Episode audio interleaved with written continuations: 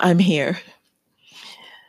In case you're wondering about that planner, that badass planner, I've been avoiding it.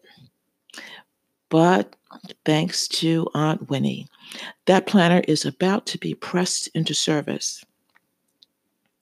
Memories of Aunt Winnie started floating in my head whenever I looked at that planner.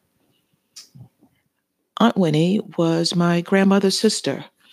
My grandmother she wore slingback shoes and didn't mind if the strap slipped off her heels.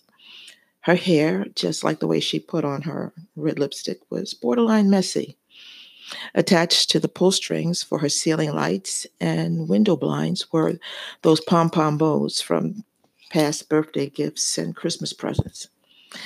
Seeing my grandmother open her purse to get something out of it was like watching a jack-in-the-box explode. On the other hand, everything about Aunt Winnie was crisp. The way she spoke, her smile, her walk.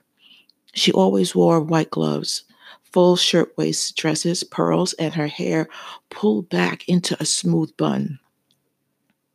She had eyes that swept a room, assessing what she felt could be put in a better place or done away with altogether my grandmother was sweet iced tea and Aunt Winnie was cool limeade. Anticipating Aunt Winnie's visits turned my grandmother's Harlem apartment into a nest of activities. Fluffy slippers that had lived under the TV console were snatched up and placed under the bed. Sheet music that had slipped off the piano and for days was held by the long leaves of a potted plant was put back in its place. Magazine piles were thinned out into a fan on the coffee table. My grandfather, sitting in his favorite chair in undershirt and shorts, looked up from his newspaper and said, Winnie's coming, right? He walked to the closet, reached for his shirt, put it on, and sat back down.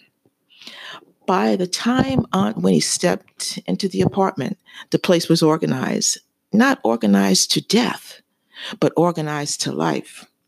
I like that you could still see my grandmother's quirky touch, her colorful patent leather belts hanging on the bedroom doorknob, the Easter basket she kept my grandfather's paired and clean socks had not been squeezed out. Matter of fact, order made her unique touch stand out in a good way.